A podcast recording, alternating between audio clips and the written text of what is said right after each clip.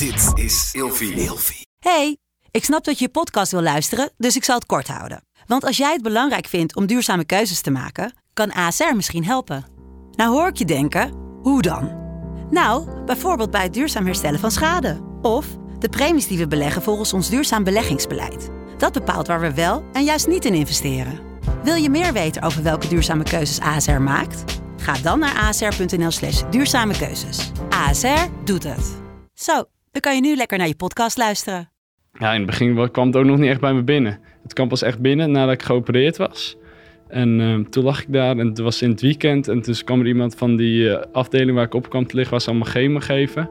Zo'n kankerafdeling. Uh, van je mag wel even langskomen op die afdeling. Dan leiden we je vast rond waar je maandag komt. En dan, want dan hebben we heel veel opnames, hebben we nu even de tijd voor je.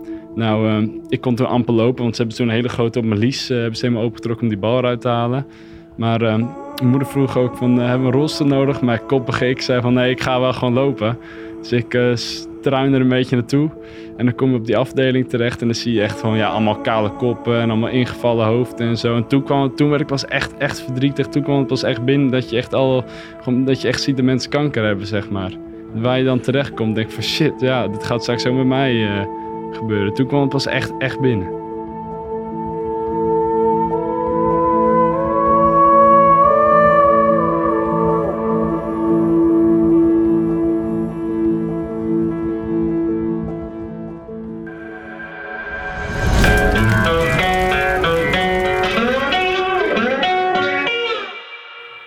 Welkom bij een nieuwe aflevering van Scherpschutters. Vandaag zit tegenover mij Sietse.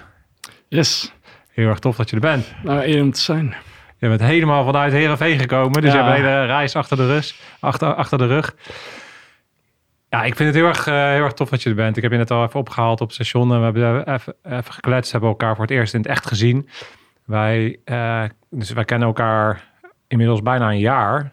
Omdat ik een jaar geleden kreeg ik een bericht van een vriend van jou. Die zei van, hey, een vriend van mij die heeft heel slecht uh, nieuws gekregen. En die heeft uh, een, behoorlijke strijd voor de boeg. Want hij uh, heeft kanker gekregen op een jonge leeftijd.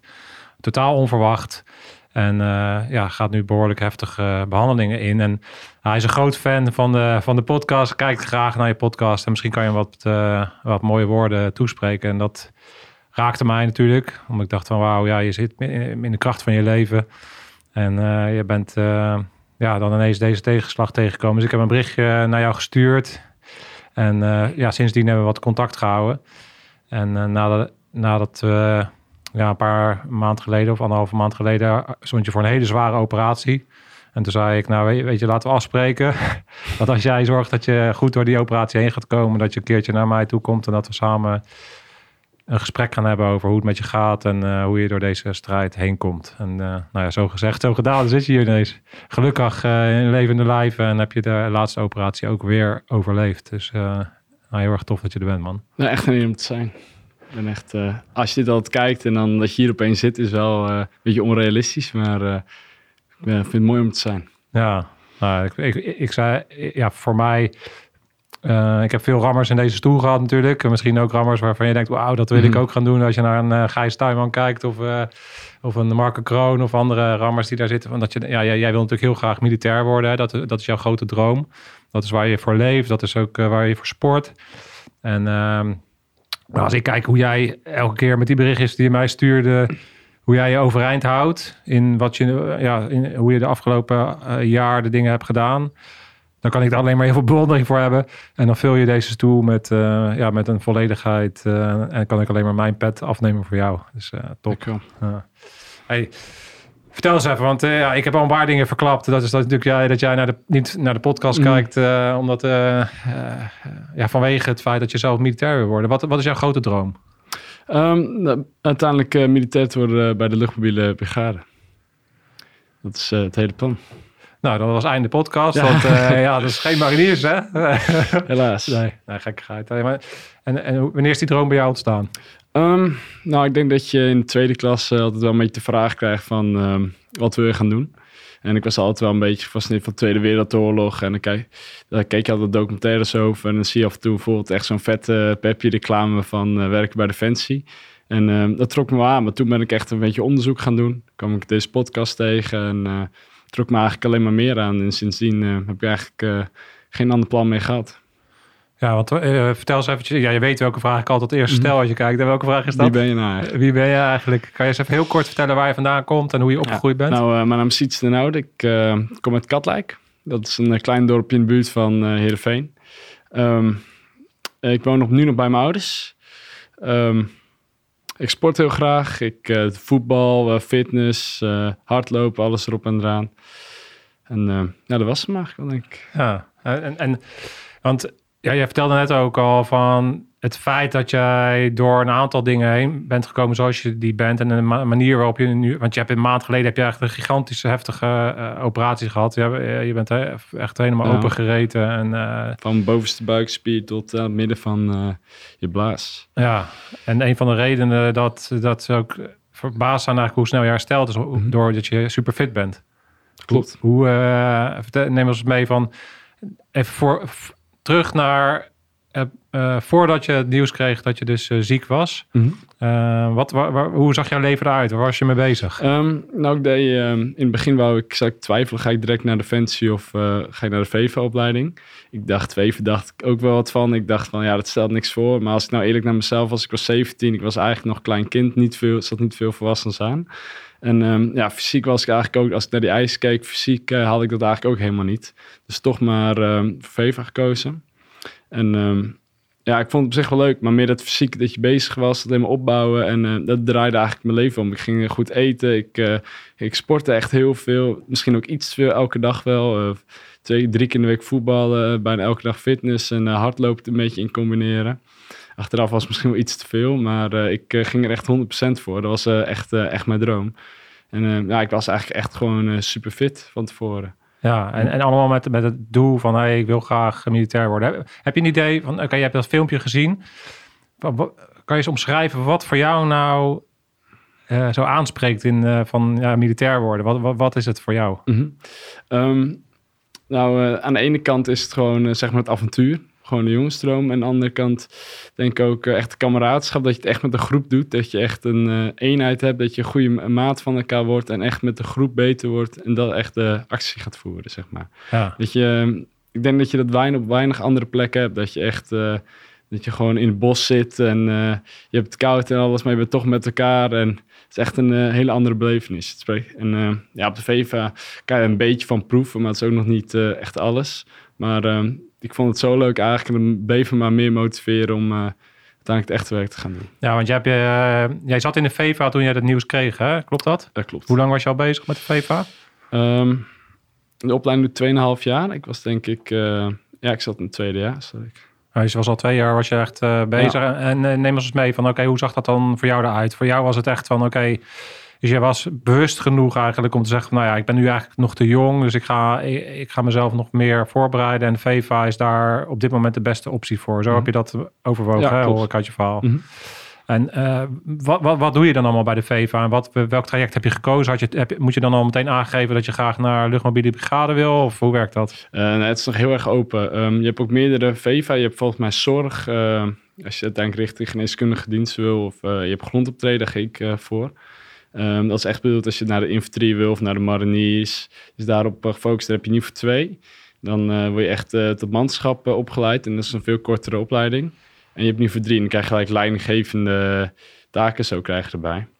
Dus uh, ik ben toen uh, voor niveau 3 gekozen en dan heb je een beetje intake, vragen zo wat. Maar daarna je keuze nog helemaal vrij. Tijdens de opleiding komen er af en toe ook nog uh, bijvoorbeeld een marinier of gastmensen langs en die gaan vertellen over waarom je eigenlijk voor die eenheid moest gaan. Of mag ik in het harde langs, kom ik in het harde langs bij de artillerie en dan komen ze je vertellen, kom bij ons. En, dus je kan nog helemaal oriënteren. Helemaal op het laatste ga je pas solliciteren. Ja, dus je kan echt kijken van oké, welke gasten of vrouwen die langskomen uh, spreken me aan mm -hmm. qua verhaal, maar ook qua het werk wat ze vertellen. En um, wat was voor jou de reden dat je langzaam ging neigen naar luchtmobiel? Wat, wat, wat zijn de aspecten die jou daar het meest in aanspreken? Um, moet ik eerlijk uh, toegeven, ik zat eerst tussen mariniers en luchtmobiel uh, echt twijfelen. Ja. Maar um, ik eh, vond het eh, allemaal gewoon echt gaaf. Maar dan zag je ook gewoon, eh, heb ik video's zien, echt zo, ik keek echt documentaires terug van begin 2000, die nog echt hele slechte kwaliteit. Ik ben even de naam kwijt, maar dan zag je die luchtmobiele opleiding. Oh ja. Zag je dat? En dat, dat vond ik gewoon echt zo gaaf. Dat al die jongens zag je vanaf het begin hoe ze aankwamen. En uh, uiteindelijk dat ze die rode beret uh, kregen. Van Omroep Gelderland had volgens mij die uh, documentaire keer gemaakt. Maar Ja. ik, vond dat, uh, ik vond dat zo vet. En dat werk dan met helikopters en zo. En het hele infanterie. Uh, dat trok me gewoon heel erg. En het, gewoon iets meer dan de mariniers, moet ik eerlijk toegeven. Ja, nou, dat is toch helemaal te gek. Ja, en zeker ook van waar je vandaan komt, denk ik ook dat het praktisch gezien ook makkelijker is. Toch als je vanuit Heerenveen... ja, dan denk ik dat je eerder ook een beetje in de buurt, in ieder geval in Assen of zo, iets dergelijks gele gelegerd kan worden. In plaats van dat je altijd naar Den Helder of naar Doorn uh, of naar Rotterdam moet gaan. Ja, precies. Dus, dus ook praktisch gezien is het denk ik ook wel een uh, slimme, slimme keuze. Dus, uh, en, en, dan, als je, als je dan, kan je dan in het traject nog wat dingetjes aangeven uh, van, nou ja, ik heb die, nu de, dus de interesse voor een infanterieachtige eenheid. Ga, gaat het traject dan ook veranderen of blijft dat altijd hetzelfde? Nou, heel grondoptreden. Dat, uh, die DOV is daar eigenlijk wel een beetje op, uh, op gericht, zeg maar. Om je fysiek in orde te maken. En nou, je doet eigenlijk ook een CBRN, een mini-AMO doe je er eigenlijk ook een beetje in. Alleen echt over heel lang. Dus je hebt echt heel lang de tijd om dat te leren. Dus ga je stage lopen bij kan je kiezen of je gaat naar de mariniers, ga je stage lopen. Of je gaat bij de landmacht. Wij liepen dan uh, in Assen. Dan ga je daar een weekje een beetje dingen doen in het veld. Een beetje oriënteren en zo. En leren wat, wat die ene nou precies inhoudt. En wat bijvoorbeeld de landmacht of mariniers precies inhoudt. Ja, ja mooi. Hey, als je dan, want je gaat ook in het veld en zo wel dingen doen, denk ik, mm -hmm. of niet? wat, vind je dat cool? Um, nou, in het begin wel, maar uiteindelijk je loopt van met die houten buks, wij noemen ze Oh, dat ja. puddingbuks en zo noemen we het. Dus uiteindelijk, eh, Puddingbuks, ja. uiteindelijk eh, heb je 2,5 jaar en ehm, wij doen nog een extra jaar. In het laatste jaar ben je zeg maar groepscommandant en dan ga je de niveau 2 dus of de eerste jaar niveau 3 ga je dan eh, commandovoering, alles doen, ga je alles voorbereiden. Dat vond ik dan mooi, want dan kan je Ja. dingen voorbereiden en dan... ehm, Ja. En dan leer, je, dan leer je zeg maar echt leiding geven en zo. Maar dan ehm, draai je de opdrachten draai je al dubbel. Die heb je het eerste jaar al gedaan. Dus dan weet je, ehm, je ligt dan bijvoorbeeld in je lichtsleuf de hele avond lang. Maar je weet, er is geen kans op vijand. En je ligt daar met eh, een houten stok, zeg maar. dus het is, eh, dat is zeg maar het nadeel. Het, het, uiteindelijk heb je alles gedaan. En dan duurt de opleiding gewoon veel te lang, zeg maar. Dan wil je gewoon echt graag naar het echte werk. Want Ja. eh, uiteindelijk houdt het een beetje op, zeg maar. Ja, ik, hoor, ik krijg altijd wel heel veel terug. Ik hoor natuurlijk heel veel jongens, eh, meiden die eh, bezig zijn in dat traject. En je hebt natuurlijk een bepaalde gretigheid. Je wil gewoon Mm. vette dingen doen en je wil gewoon eigenlijk zo snel mogelijk ook naar je doel toe. Dus je voelt ook een soort, eh, denk ik ook een soort ongeduldigheid of zo daarin. Hè? Van ja, oké, dit snap ik wel. Volgens mij ben je een intelli- intelligente gast. Dus dan heb je op een gegeven moment ook van oké, dit spelletje snap ik. En nu Mm. wil ik graag door naar de volgende level eigenlijk. Ja, precies dat. Ja, ja dat snap ik wel, ja. Dus dat, maar ja, dat, dat, ja, het is, je zult, het kost gewoon tijd. Mhm. Het kost gewoon tijd om op een bepaald niveau te komen. En eh, je, je moet de stappen doorlopen. En eh, ja, daarin moet je gewoon eh, elke keer weer kijken. Oké, ik heb dit al een keer gedaan. Ik lig hier met een stok en, in het veld. Wat kan ik hier dan alsnog... wel, Ja, voor mezelf, Mhm. hoe kan ik hier toch nog iets uithalen om te leren? Ik denk dat dat gewoon dan, dan maar... Ja, je moet er maar het beste van maken, toch? Ja, precies. Dat Ja. was ook de hele Ja. bedoeling. En het tweede deel, leiding geven en zo. En dat je om de beurt een beetje, elke week wat anders een beetje het beurtje, zeg maar. Die ging dan de commandovoering doen en lesgeven. En dan eh, ging je maar goed kijken hoe diegene dat deed. Om daar de les uit te trekken van wat deed hij goed, wat deed hij minder goed. Ja, Want precies. voor de rest eh, wist je alles wel eigenlijk. Ja.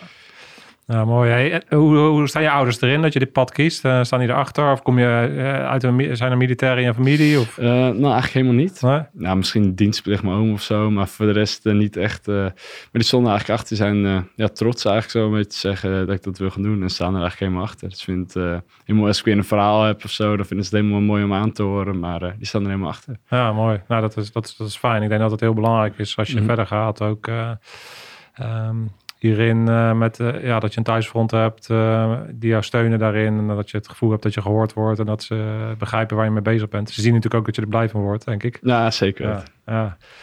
Hey, en, en, en toen, hoe, want, want ehm, ja, zo'n ziekte komt niet uit het niets. Nee, zeker Dus dat bouwt op. Mhm. Eh, kan je ons meenemen in dat traject? Van oké, je krijgt op een gegeven moment, is het ergens, eh, heb je ergens last van gekregen? Wat, Ja. Hoe werkte dat? Ehm, wij waren, eh, toen ik er echt begon te merken, wij waren ehm, een weekje met een organisatie, Stichting, Oude, Sta- Stichting Out of Area heet dat.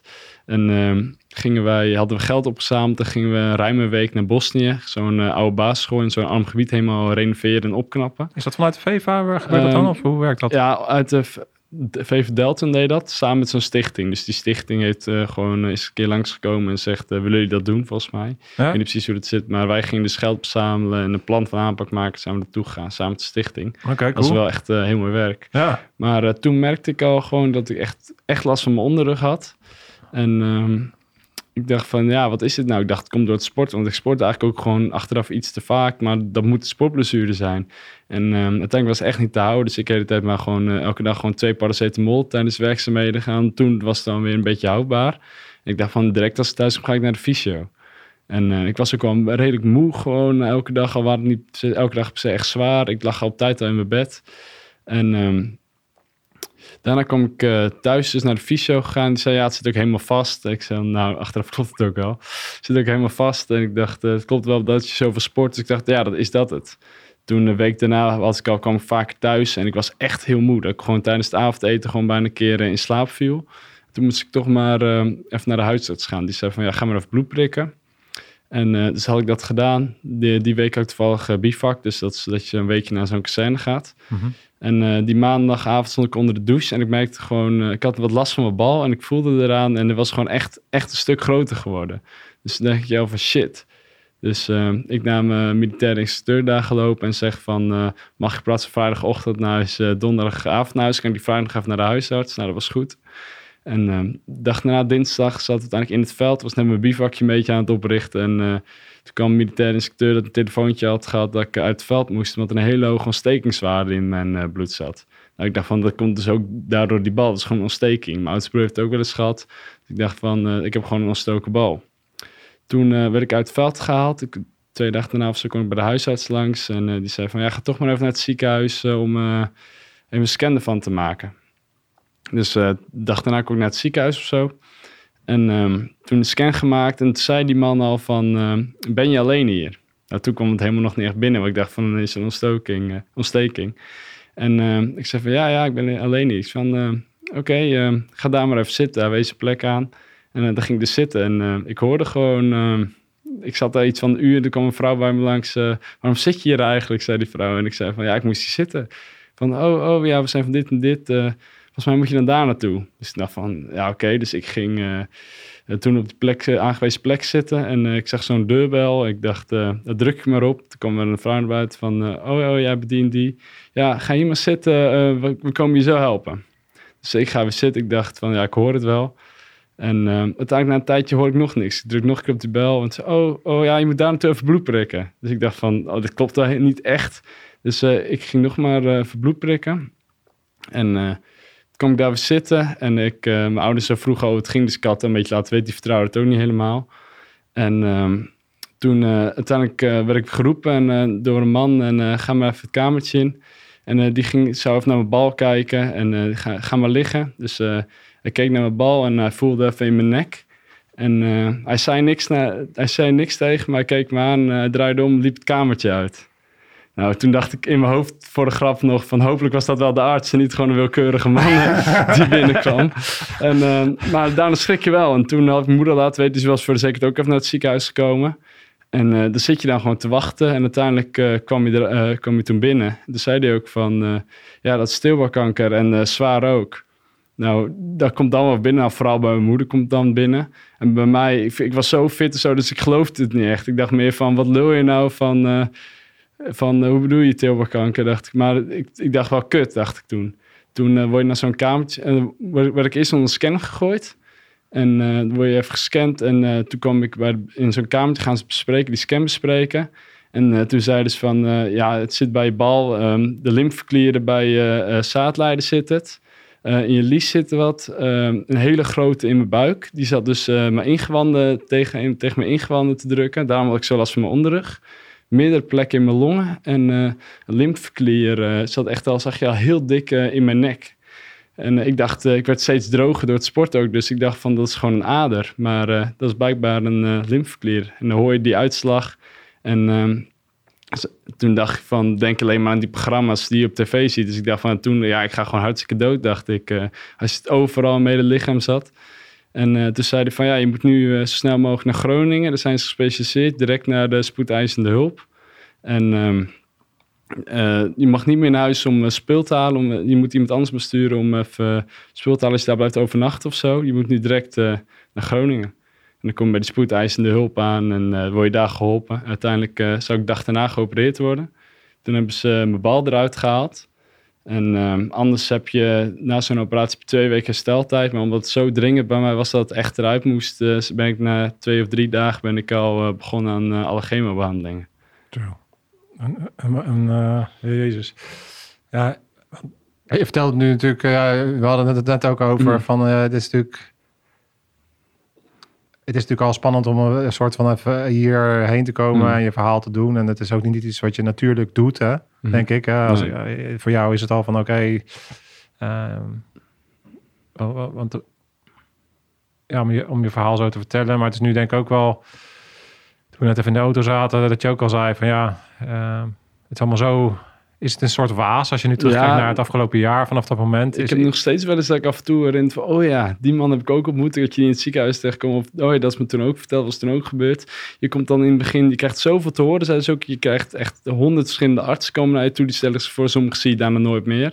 Het is zo'n waas. Echt na, denk na twee maanden of zo, dat je dan pas echt een beetje gaat beseffen van, shit, dat heb ik echt meegemaakt. Uh, en zo ging het. Het is ik uh, kan me nog steeds niet echt precies alles vertellen hoe het nou precies zat.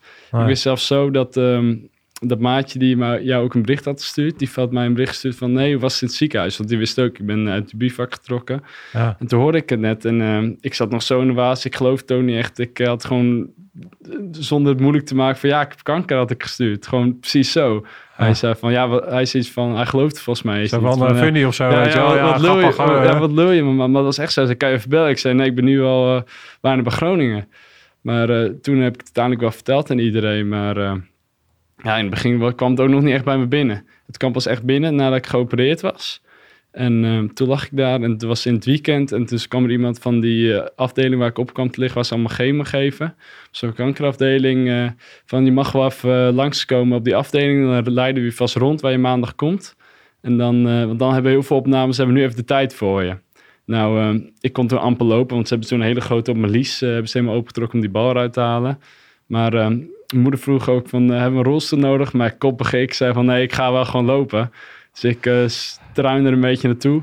En dan kom je op die afdeling terecht en dan zie je echt van ja, allemaal kale koppen en allemaal ingevallen hoofden en zo. En toen kwam toen werd ik pas echt, echt verdrietig. Toen kwam het pas echt binnen dat je echt al, gewoon, dat je echt ziet dat mensen kanker hebben, zeg maar. Waar je dan terecht komt, denk van shit, ja, dit gaat straks zo met mij uh, gebeuren. Toen kwam het pas echt, echt binnen. Ja.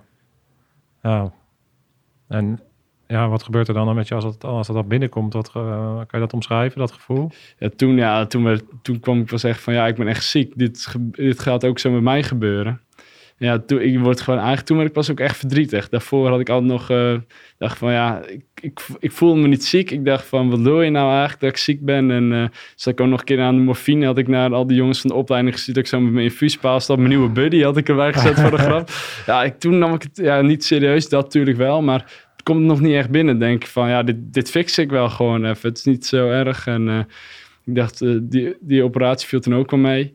En uh, ik dacht, dit fix ik wel. Maar toen je daar kwam en uiteindelijk uh, kom je dan op zo'n kamer terecht. Dat ik toen eerst kom ik op twee persoonskamer en dan kom je op de vier persoonskamer.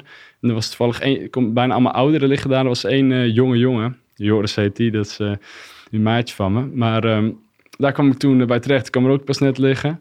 En uh, toen wij ongeveer tegelijk een beetje aan de chemo. En uh, ja, dan merk je ook gewoon, dan word je ziek word dan. En ik was nog moe van die operatie. En uh, dan gaan je haren uitvallen. En dan, dan merk je pas echt, was ik, ik was toen echt helemaal klaar mee, uh, zat ik toen erheen. En toen dacht ik ook van, ja, laat die opleiding maar zitten. Laat alles maar zitten. We zien wel eerst, gaan we dit doen. Ja. En ik was eigenlijk overal klaar mee. En het later pas kreeg ik toen weer het gevoel van, ik wil die opleiding afmaken. En ik wil, het, ik wil het echt gaan fixen, zeg maar. Maar toen, in het begin zit je er gewoon echt in zo'n diepe put, plantje.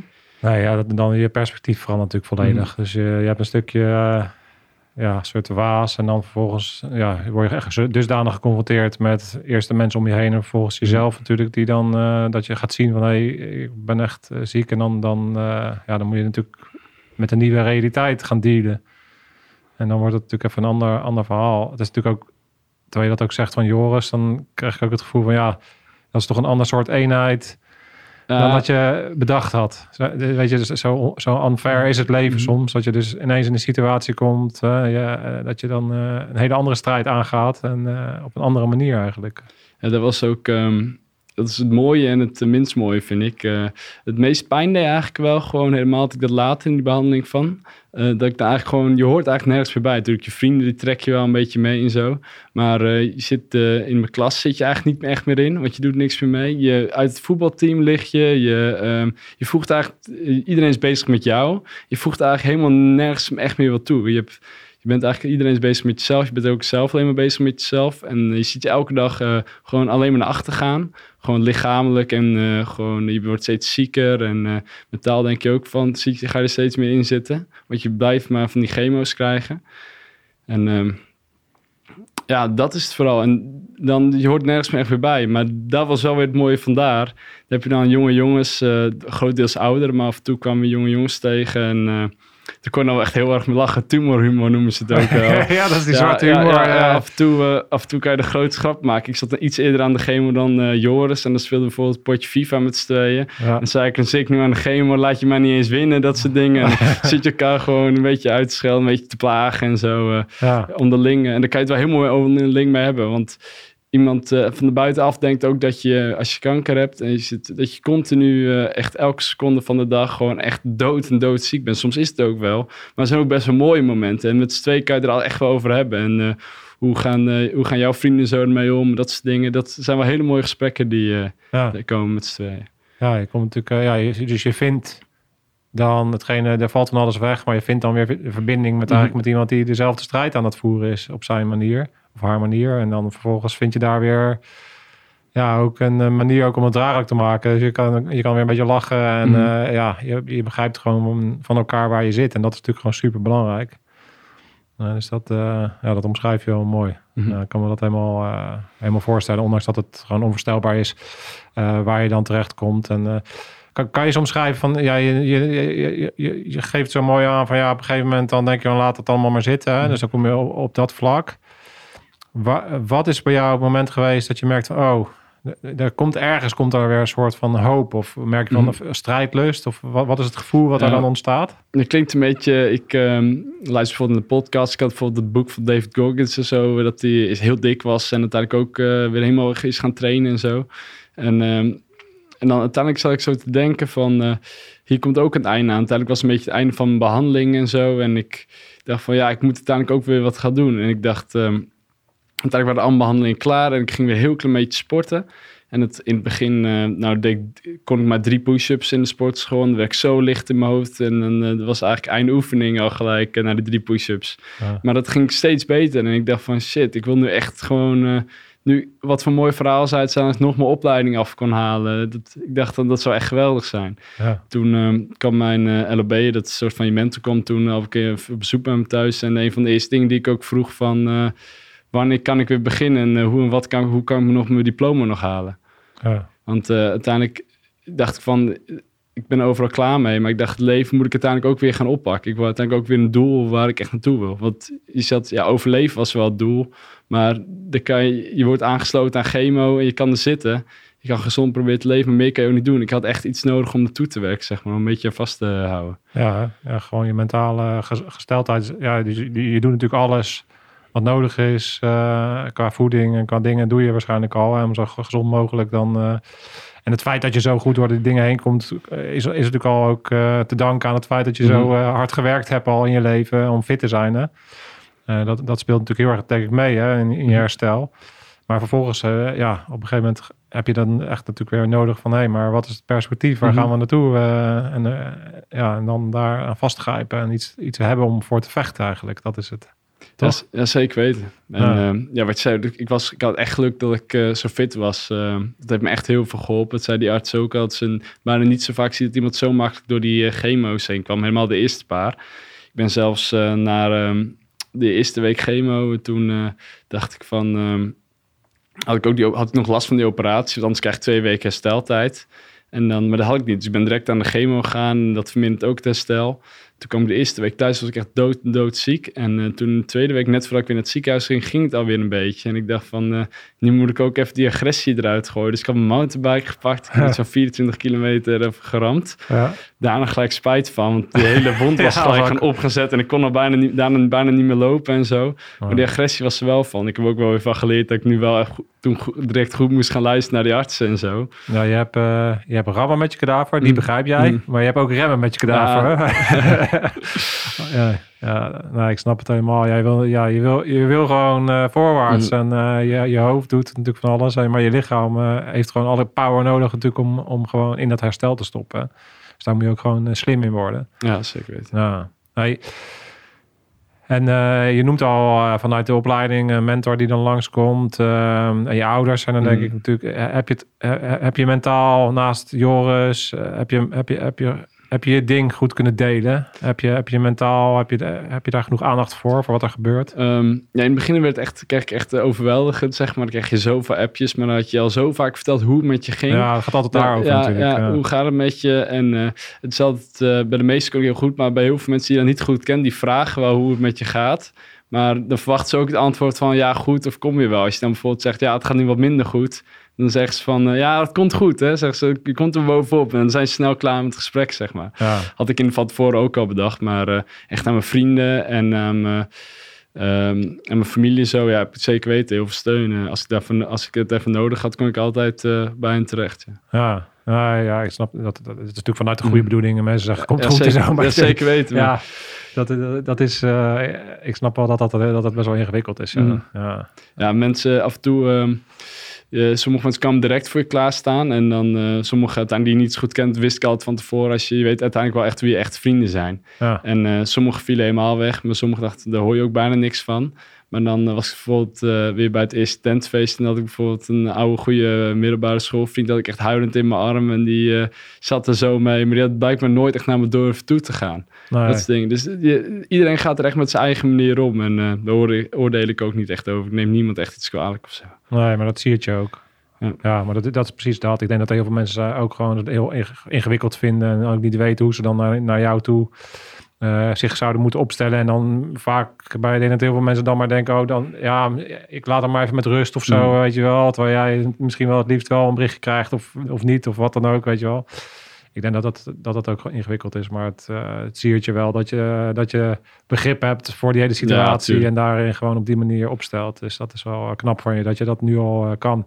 Want ja, jij wordt natuurlijk nu geconfronteerd met dingen waarvan ik denk van ja, Jezus, op deze leeftijd wil je daar natuurlijk helemaal niet mee bezig zijn. Want jij Mhm. bent nu eh 19 hè? Ja, ik ben in het ziekenhuis. eh, eerste week chemo eh, ben ik 19 eh, geworden. Ja, nou, dat, ja, je wordt natuurlijk geconfronteerd met levensvragen op een manier ehm, ja, die, eh, waar je normaal gesproken pas veel later überhaupt over na gaat denken. Ehm, wat wel het voordeel is van, eh, ja, je, je gaat gewoon eh, militair worden. Jij, Eh, eh, ik zie jou eh, straks gewoon eh, met, die, eh, met die roze beret, eh, sorry, rode beret. even, even steek onder water. Ja. Met, die rode beret eh, zie ik jou straks gewoon eh, rondlopen. En het voordeel is wel, kijk, jij bent natuurlijk op zo'n manier al nu geconfronteerd met, eh, met die vragen. Mhm. Dat, eh, ja, dat je wel weet eh, waar het leven om draait en, en, en hoe je daar jezelf in kan opstellen. Hoe, wat, hoe, hoe kijk je daarnaar? Hoe, hoe, hoe was het voor jou om geconfronteerd te worden met de dood op, op zo'n manier? Ja, ehm, ik heb, ehm, ik- denk dat je wel het stoïcisme ken je wel. Ja, Daarvoor, ehm, ik ben, da- daarvoor, voordat ik allemaal wist dat kanker had, las ik daar al wat boeken over en zo. Daar gaat het ook wel over van eh, onthoud dat je dood kan gaan. eh. en ehm, ja, ik dacht, toen schrok ik wel, maar ik dacht van, ik ga gewoon aan mijn allerbest doen wat ik eraan kan doen, zeg maar. En dan, eh, ik kan er wel, want ik wist tijdens de chemo's, kreeg op het laatst ook pas een scan. Dus dat was het hele spannende. Heb je al die eh, behandelingen gehad en dan krijg je pas echt weten, heeft het aangeslagen. Dus ik dacht van, ja, ik ga nu maar gewoon mijn allerbest doen van wat ik kan doen.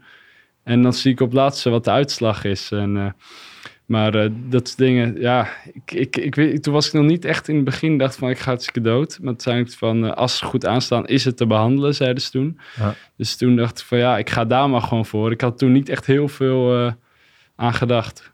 Nee. Nee, maar voor de rest, ja, ik heb het wel in, in, mijn, in mijn achterhoofd gehouden, maar niet echt dat, ik, ik nam het voor mezelf niet echt direct als optie aan. Ik dacht van dit ga ik gewoon halen. Ik ga gewoon mijn uiterste best doen ja. om het te genezen. Ja, nee, dat, uh, ik denk dat dat ook de beste weg is. En uh, ik weet ook zeker uh, ja, hoe ik je nu uh, zo op afstand af, af en toe contact heb. En zoals ik je nu leer kennen. Ja, als er iemand het gaat redden, dan ben jij het. Ja, toch? Ga gewoon voor, rammend voorwaarts mm. en blijven strijden. En je bent nu al zover je, je traject in. Want waar, waar, waar zit je nu ongeveer? Want, want de laatste keer dat ik je dus sprak, toen was wel even spannend. Mm. Denk ik, want die operatie ja, was echt mm. met, met risico's. Wat voor, er zaten ook zware risico's aan vast. Ja. Waar, hoe is dat gegaan, die operatie? En waar sta je nu? Um, nou, ze, gaan, ze hebben alles uit mijn buik gehaald. Dus uh, de vergemo is altijd, heel, altijd al die tumoren en de uitzaaiingen een stuk kleiner gemaakt. En uh, dus dat moesten ze toen uithalen met een uh, operatie. Ze hebben wat uit mijn lies getrokken. ze hebben wat uit mijn buik gehaald en van mijn zaadleider weg.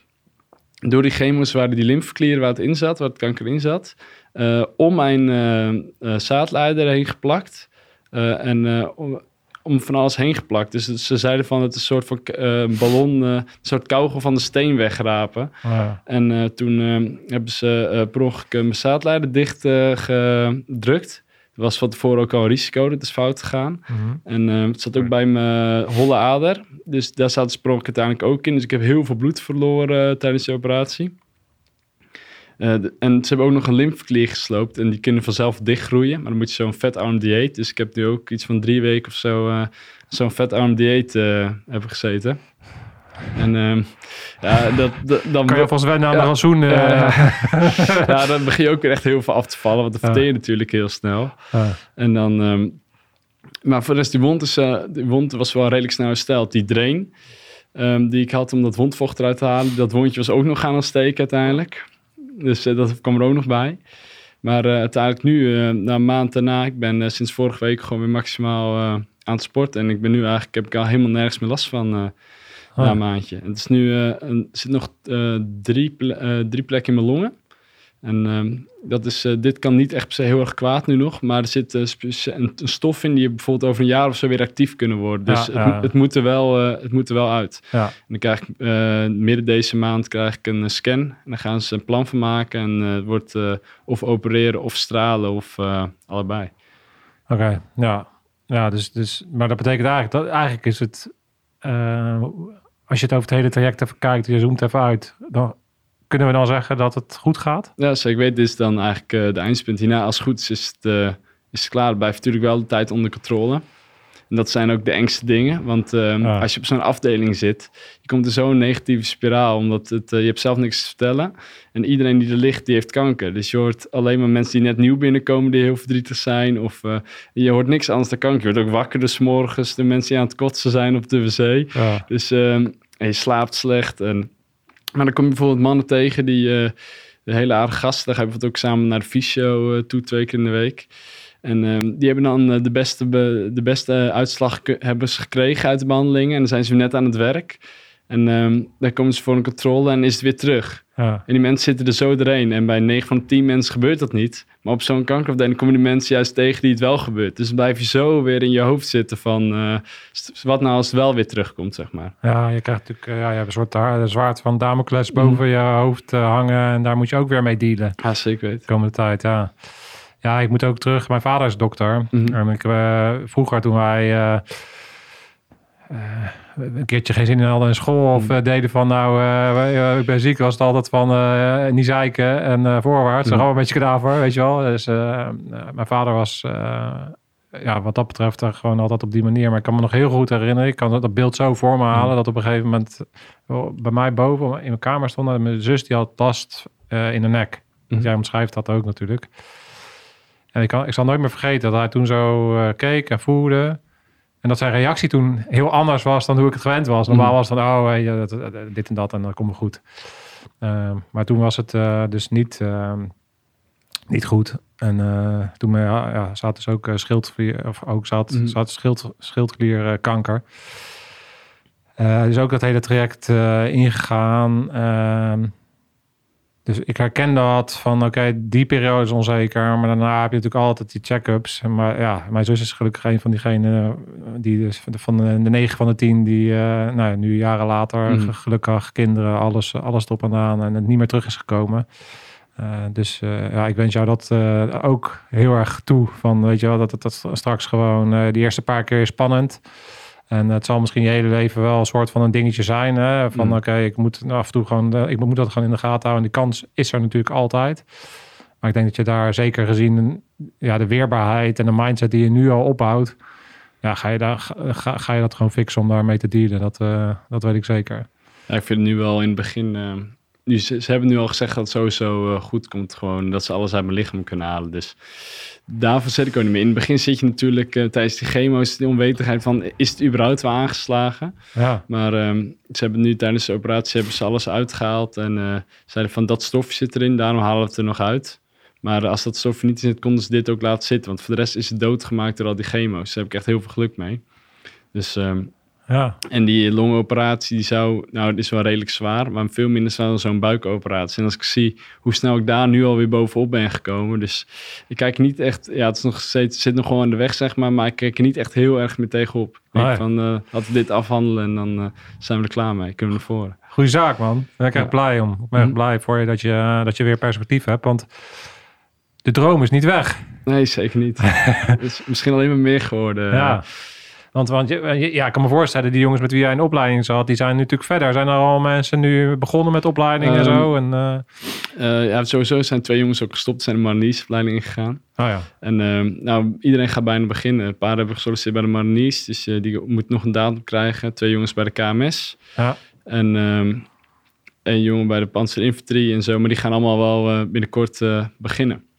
Ja, helaas ik niet, maar het is niet anders. Nu ga ik even een extra diploma halen en mezelf er helemaal opnieuw ja, wat, hoe, hoe, hoe, ga je dat dan uh, nu doen? Wat, uh, je hebt nog contact denk ik met Defensie. Mm. Of hoe, hoe, hoe, hoe, werkt dat nu? Wat, wat, is, wat zijn je plannen precies? Um, nu een MBO 4 leiding geven op de opleiding doen. In een jaartje afronden. En uh, in dit jaartje gewoon nou, helemaal fysiek weer helemaal opbouwen en zo. En dan kijken, ga ik solliciteren en kijken. eerst moet ik natuurlijk helemaal schoon zijn verklaard. En dan bij, gewoon bij Defensie solliciteren. En, ja, super vet. Ja, Waar ik aan zit te denken is van het is ook, ook denk ik een belangrijke les om heel goed te leren om contact te maken met je lichaam. Hmm. Want, want als je nu terugkijkt, kan ik me voorstellen dat die tekenen die, uh, die je had, hè, nou, je kan het onvoorspelbare verwacht je natuurlijk nooit. Nee, maar het is, het is wel heel belangrijk, ook als je militair, juist als je militair wordt, om steeds om, om je lichaam heel goed te blijven uh, observeren, te kijken wat, hey, waar zitten pijntjes, wat is afwijkend.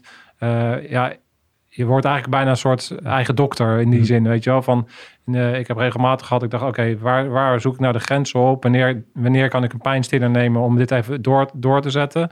En wanneer uh, trek ik aan de bel en uh, zorg ik dat de juiste mensen ernaar kijken? Ook, ja, zorg ervoor dat je goed, goed die lessen trekt eigenlijk uit. en dat zal je, deze les zal je nooit meer vergeten natuurlijk. ik weet niet of je daar iets anders had kunnen doen, maar het is wel ja, ik zou je wel de tip willen geven om uh, luister echt goed naar je lichaam. Ook de komende tijd als je weer in de opleiding gaat starten. En uh, zorg dat je daar een goede connectie blijft opbouwen. zodat je dat nou, dat je duurzaam kunt blijven rammen. Zeker weten. En anders sowieso voor, ehm, ik zou maar zeggen, naar alle mannen die het luisteren. Want ik hoorde laatst ook weer een jongen die ik, nou, een, uh, iemand die ik ken in de buurt, die heeft het ook gekregen. Maar check dan vooral één keer in de drie weken even je bal als je onder de douche staat. Misschien is het wel verkloot. En als je wat voelt, ga naar de... Misschien is het wel verkloot. Ja, ja, ja, ga, ga, kloot, ja. ga naar de huisarts als je wat voelt. Ook al is het misschien niks, maar dat scheelt echt een hoop gezeik. Had, had ik dat wel eerder gedaan, dan had ik al die uitzaaien niet. En had ik misschien een operatie of zo en dan zou ik klaar zijn. Dus ehm, ja, ik zou het maar gewoon doen. Dan doe je het één keer in de maand. Misschien is het beter om vaker te doen, maar uh, ja. ik check het in ieder geval even. Waar, waar, moet je dan op letten? Op, is, zijn het dan, is, is het dan, ja, bij jou was het dikker, mm. uh, maar het kan ook zijn dat er volgens mij balletjes ja, bij komen of zo. Precies, ja, ja, dat en knobbeltjes, knobbeltjes. Gewoon, alle, gewoon alles wat een beetje anders aanvoelt, kun je, kan je beter gewoon naar de huisarts Ja, toe gaan. ja. Nou, goede tip. Ik denk dat dat eh, super belangrijk is. Net zoals bij vrouwen is het natuurlijk veel meer bewustwording met borstkanker. Mhm. En eh, ik denk dat dat bij mannen misschien nog wel wat eh, onderbelicht is. Zeker weten. Dus ja, goed man. Hey, ehm, ja, en hoe, hoe is het met je ouders? Ehm, ja, nu, nu wel goed. Maar die hebben natuurlijk ook de hele tijd in eh, onzekerheid geleefd. Die hebben, ik zeg altijd, die hebben het altijd zwaarder eh, dan mij. Want het is zeg maar hun kind. En eh, ik weet altijd wel hoe het aanvoelt. Ik onderga alles. En dat is ook wel gewoon... eh, ja, daar is ook niks aan, zeg maar. Maar ik, ik onderga het. Ik weet hoe het is. En hun proberen het het beste voor me. En dat merk ik altijd. Maar af en toe word je dan af en toe wat kort af. Want dan ben je gewoon hartstikke moe. En je bent gewoon eigenlijk hartstikke ziek. En dan, hun- je ziet dat ze, ze doen echt eh, alles voor me. Ze hebben ook overal in geholpen. En eh, ze zeiden van, als je met iemand, ooit met iemand wil praten, gaan we ook voor je zoeken of zo. Eh, ze proberen echt overal in te helpen. Maar ehm, hun denken ook gewoon, als ze natuurlijk in het ziekenhuis lag, en ze kwamen elke dag bijna wel opzoeken. Maar die denken natuurlijk ook, die gaat continu, eh, is hij echt dood en doodziek. Maar ik onderga het, dus ik, ik, moet- ik, eh, ik hoef alleen maar, zeg maar mee te dealen. Maar hun, eh, hun kind, zeg maar, dat is vooral, eh, ik denk dat hun het zwaarder hebben gehad in de afgelopen tijd. Ja, ja, nou ja, eh, heel veel bewondering voor. En eh, super fijn dat je, dat je zulke ouders hebt. Dat je die support hebt. Dus dat, dat maakt je alleen maar sterker voor alle ambities die je hebt. Want eh, je hebt natuurlijk zoveel. ja, je hebt, je hebt superveel power in jezelf. En, en, ja, dan helpt het wel om eh, zulke ouders achter je te hebben. Om Ja, tot grote hoogtes te Ja, stijgen. ik ben echt, echt, echt heel dankbaar voor. Af en, toe, af en toe komt het er wat minder uit, zeg maar. Omdat je nou af en toe gewoon af en toe wat kort af bent. Maar dan ben je dan Ja, iedereen ja, eh, ja, ja, dat- in de buiten. eh, maar dan denk ik ook van, ja, waarom doe ik dit nou? Ik ben ze echt super, super dankbaar eh, voor die steun die ik heb gekregen. Ja, Ja. ja. nou ja, en eh, Gideon heeft, eh, heeft mij natuurlijk een bericht Mhm. gestuurd. Dus Gideon ook, eh, ja, dat, dat zie je het hem ook natuurlijk, dat hij gewoon mijn, mijn bericht stuurt. omdat hij weet dat jij eh, die podcast eh, heel, heel tof vindt. Dus eh, ja, met zulke vrienden, ik hoop dat je, ehm, ja, het gevecht wat je met Joris hebt, s- soort van samen hebt Mhm. eh, doorleefd. Dat je dat soort avonturen kan gaan beleven met jongens als Gideon. gezond en wel, fucking sterk, voorwaarts gaat met die rode beret en uit de, uit de helikopters gaat, gaat springen. En een mooie avonturen gaat beleven. Dus uh, hou me op de hoogte. Ik goed. ben heel erg benieuwd wat je allemaal, allemaal gaat meemaken. En ehm, ja, heel veel eh, bewondering voor jouw verhaal. En ik weet dat het voor jou ook niet natuurlijk komt om het te delen. Maar ik, ik, ik denk dat het gewoon super waardevol is om je verhaal te delen. Dus eh, heb je super goed gedaan, man. Top, Thanks. dankjewel. Nou, rammer. Blijf, eh, blijven rammen en blijven kijken. Wat is jouw favoriete aflevering van de Scherpschutters? Wie, welke, welk verhaal je Ehm, tof? Ik denk, ehm, dat is een hele moeilijke. ik vind dat alles... vragen ze eh, mij ook wel eens. Ik denk ook van, ja, wat moet ik daar nou op zeggen? 145 Ehm, afleveringen zijn er zoveel nou, ik denk wel een van de bekendste met de DSC vond ik altijd wel echt eh, gaaf dat verhaal te horen. Ja, ja, omdat je dat niet zo vaak Mhm. ziet natuurlijk. Heb je weer zo'n bivakmuts eh ja, voor je hoofd. Maar die vond ik altijd wel echt gaaf. En gewoon alle, ja, ik vond bijna allemaal vet mee. Maar die verhalen van die Special Forces en zo, wat die allemaal meemaakt. Dat je denkt, goh, ja, ben je vet. wel jaloers op. Ja. Ja.